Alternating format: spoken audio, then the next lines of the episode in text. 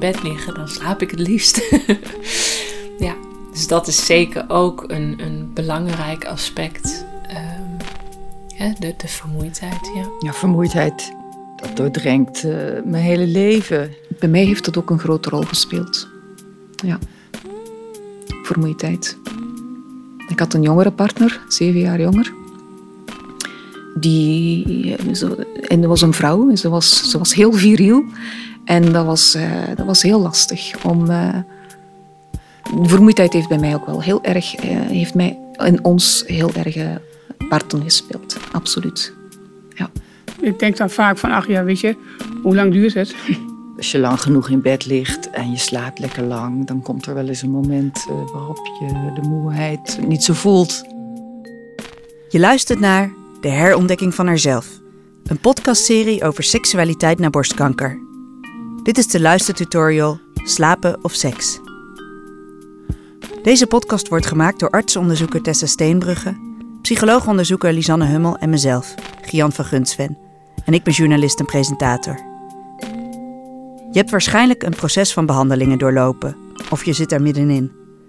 Operaties, soms bestralingen en chemo en ook nog hormoontherapie. Je bezoekt maandenlang wekelijks meerdere malen het ziekenhuis. Heel veel gedoe en gerommel aan je lijf. Vaak voelde je je voor de diagnose best goed. Maar nu? Nu ben je moe. Hoe hou je de seksuele energie dan nog stromend? In deze aflevering spreken we met psycholoog-seksoloog Elle Laan, die vertelt over de invloed van vermoeidheid op seks. De invloed van vermoeidheid op seks is dat je gewoon niet zoveel energie hebt om het leuk te maken. En we horen van mindfulness trainer Maria van Balen wat mindfulness hierin kan betekenen. Om te leren weer op een andere manier met je eigen lichaam om te gaan en om te leren accepteren dat je dit is overkomen. Beide deskundigen geven uitleg en advies over hoe je ondanks de vermoeidheid toch in contact kan blijven staan met jezelf, je lichaam en je seksualiteit. Tussendoor hoor je de persoonlijke verhalen van Esther en Patricia, die allebei zijn behandeld voor borstkanker.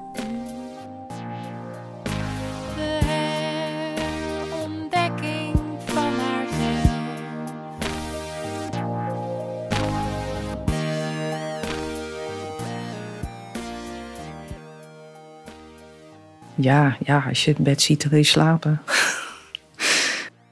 Dit is Esther, een 53-jarige vrouw die gewend was veel te ondernemen. Ze werkte zelf in het ziekenhuis toen ze twee jaar geleden naar de dokter stapte. In eerste instantie dachten ze van, goh, valt allemaal reuze mee, dat uh, is goed aardig. Uh, helaas was het niet zo. Steeds een stapje was het vervelender dan, uh, dan we gedacht hadden. Ik heb het hele traject gehad, amputatie, bestralingen, chemo, nu hormoontherapie. inderdaad ook heel veel verandering in mijn lichaam, ook tijdens de, vooral tijdens de chemo waar ik echt niet op gerekend had. Wat ik dacht, wat is hier nou weer aan de hand? Van, eh, ik ben stuk, zeg maar. En uh, vond het heel lastig om uh, ja, weer, weer vertrouwen te krijgen in mezelf, om, om, om, om weer te genieten. Vermoeidheid speelde hier ook een grote rol in. Ik heb een latrelatie, dus dat, ja, dan zie je elkaar al minder vaak. En dan nou, gezellig bij elkaar slapen. En dan is het inderdaad slapen. Dan is het echt zoeken om dan toch nog daar een beetje puff voor te houden omdat het toch allemaal, allemaal zo'n gedoe is. Het uh, duurt allemaal langer voordat je in de stemming bent. Uh, als je überhaupt in de stemming komt. Dus ja, het liefst zou je gelijk willen slapen. We bezoeken psycholoog en seksoloog Elle Laan, die zelf ook is behandeld voor borstkanker. Wat ik weet van vermoeidheid uit onderzoeken is dat heel veel vrouwen daar last van hebben. Zeker in de behandelfase. En zeker als je chemotherapie hebt. Ik denk dat ik zelf eigenlijk heel erg eh, geluk heb gehad. Ik heb heel erg weinig last van vermoeidheid. Wel tijdens de chemo, maar daarna eigenlijk weer heel snel uh, opgeknapt. Wel ook nog wat vermoeidheid gehad tijdens de bestralingsperiode. Dat begreep ik eigenlijk eerst niet zo goed. Waarom word je nou moe van bestraling? Maar dat komt omdat er eigenlijk toch een soort ontstekingsreactie in je lijf wordt gemaakt elke dag. Dus het kost heel veel energie voor je lichaam om uh, die afgestorven cellen op te ruimen. En vermoeidheid heeft uiteraard ook invloed op je seksualiteit. De invloed van vermoeidheid op seks is dat je gewoon niet zoveel energie hebt om het leuk te maken. Zo simpel is het eigenlijk. Dat het lastiger is om seksueel geprikkeld te worden, omdat seksuele prikkels opzoeken of je laten prikkelen in zekere zin ook wel energie kost. eh, dat je er aandacht voor moet hebben als je je echt moe voelt en op basis daarvan ook wat somber en down. Heel vaak hangt dat met elkaar samen. Als de dingen zwaarder worden, ja, dan staat je hoofd gewoon niet naar tijd en ruimte en aandacht creëren om seksueel actief te zijn, om zelf seksueel te zijn. Ella raadt aan om te luisteren naar wat je lichaam nodig heeft. Ik ben door een heel proces gegaan. Mijn toekomstperspectief is misschien wat anders. Nou, ik gun mezelf de tijd en de ruimte om aandacht te besteden aan mijn eigen lichaam, maar ook aan mijn eigen seksualiteit. Dat is ook wat Patricia heeft gedaan. Uh, ik heb nog een periode overdag geslapen en denk van nou, ik ben moe, ik ga nu liggen. Dus ik was eigenlijk best wel lief voor mezelf. Dus dat heeft wel geholpen om uh, weer helemaal bovenop te komen. Lichamelijk en ook in seksuele opzicht. Patricia is nu 45 en negen jaar geleden werd bij haar borstkanker geconstateerd. Ze heeft een hele reeks van behandelingen achter de rug. Operatie, bestraling, chemotherapie, hormoontherapie.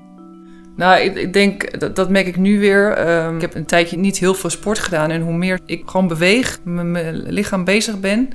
hoe fijner ik me over mezelf voel. Hoe uh, aantrekkelijker, maar ook sexier uh, zo'n bewustwording weer uh, voel. Voor Patricia was dat bewegen salsa.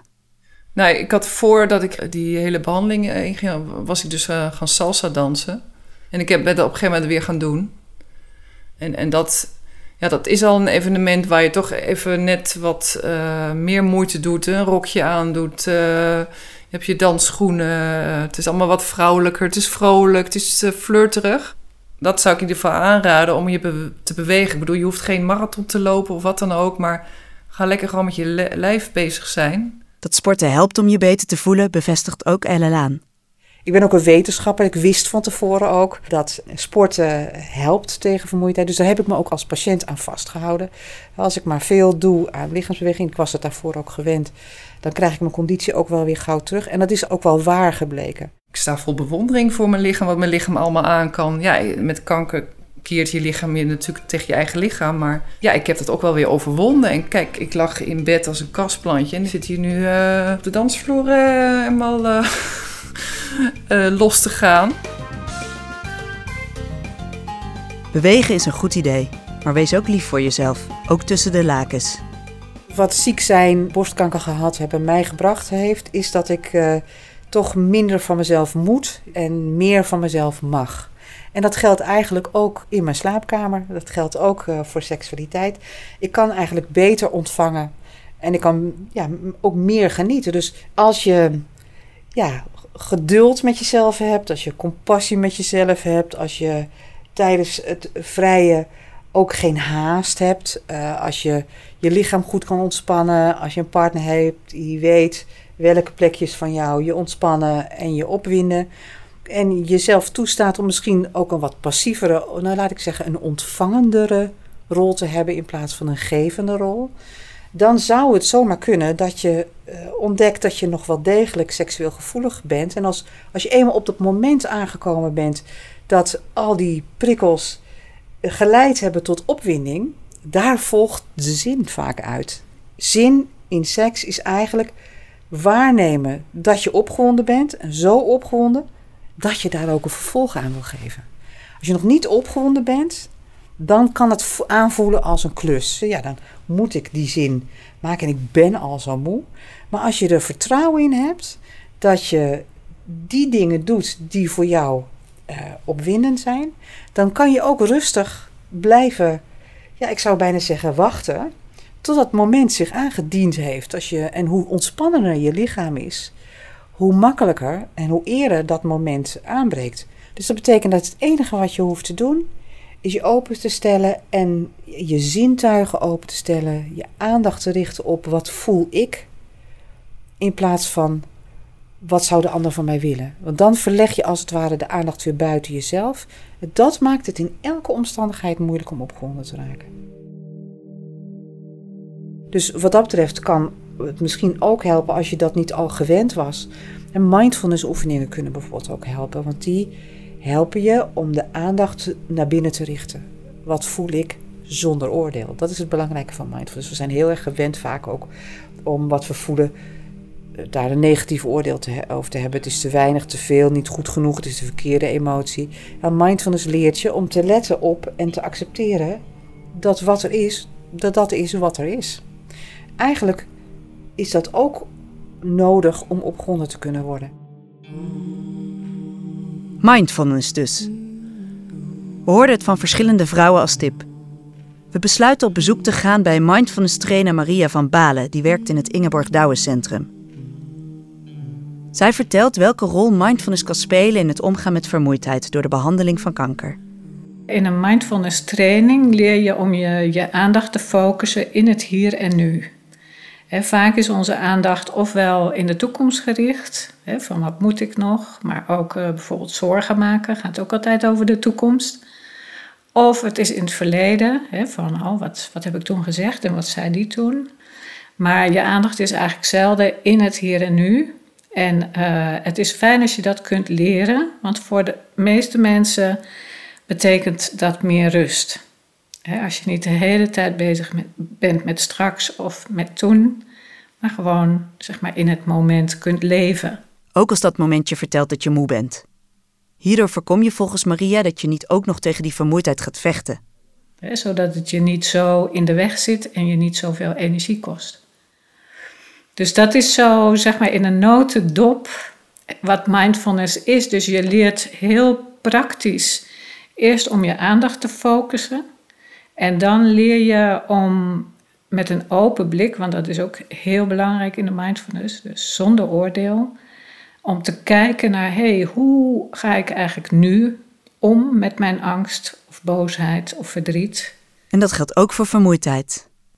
Ook vermoeidheid heeft invloed op deze emoties.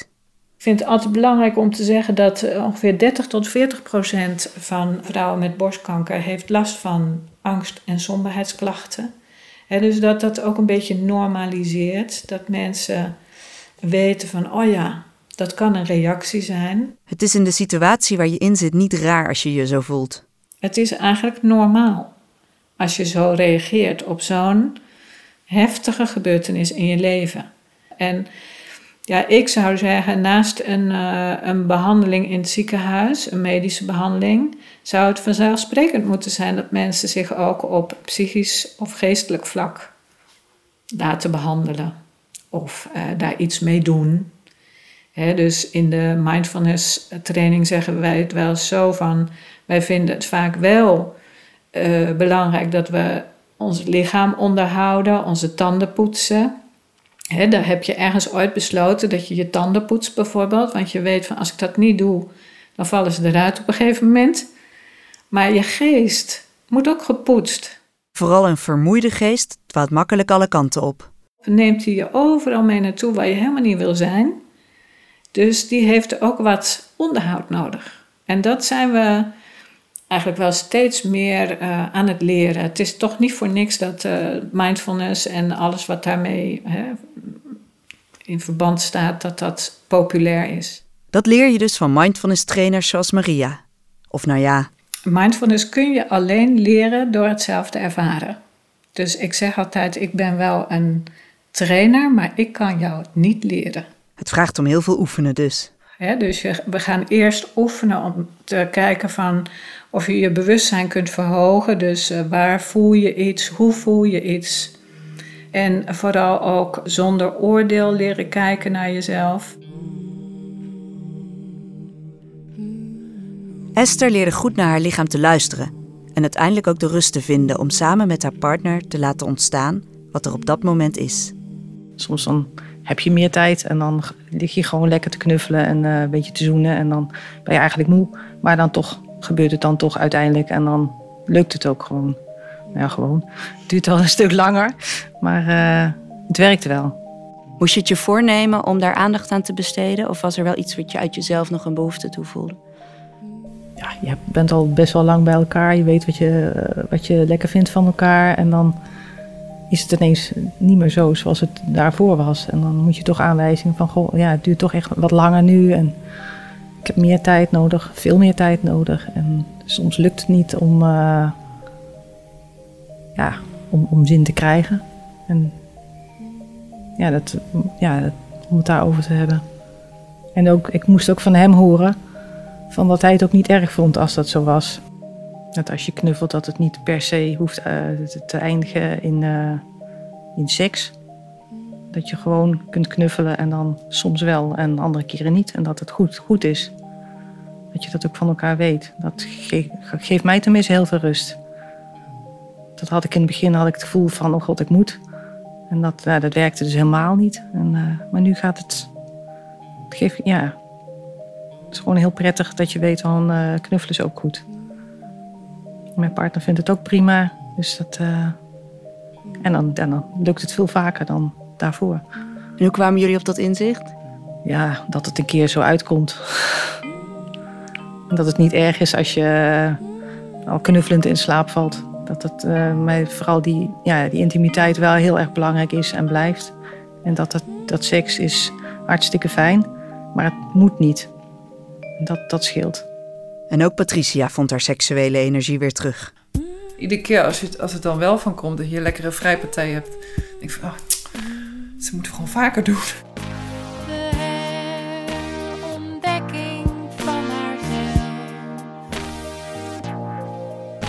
Je luisterde naar De Herontdekking van Haarzelf, de luistertutorial Slapen of Seks. Gemaakt door Lisanne Hummel, Tessa Steenbrugge en mezelf, Gian van Gunsven. We maakten ook luistertutorials over de onderwerpen borsten, hormonale veranderingen en intimiteit en relatie. Alle afleveringen zijn te beluisteren op onze website www.deherontdekkingvanhaarzelf.nl, maar ook via iTunes en de podcast-app op je smartphone. Voor nu danken wij voor techniek en montage Alfred Koster, voor de muziek Mira van der Lubbe en Eva van Manen en uiteraard alle geïnterviewden. Deze podcast is mede mogelijk gemaakt door Memides Pharma, Ropa Run en het Antonie van Leeuwenhoek.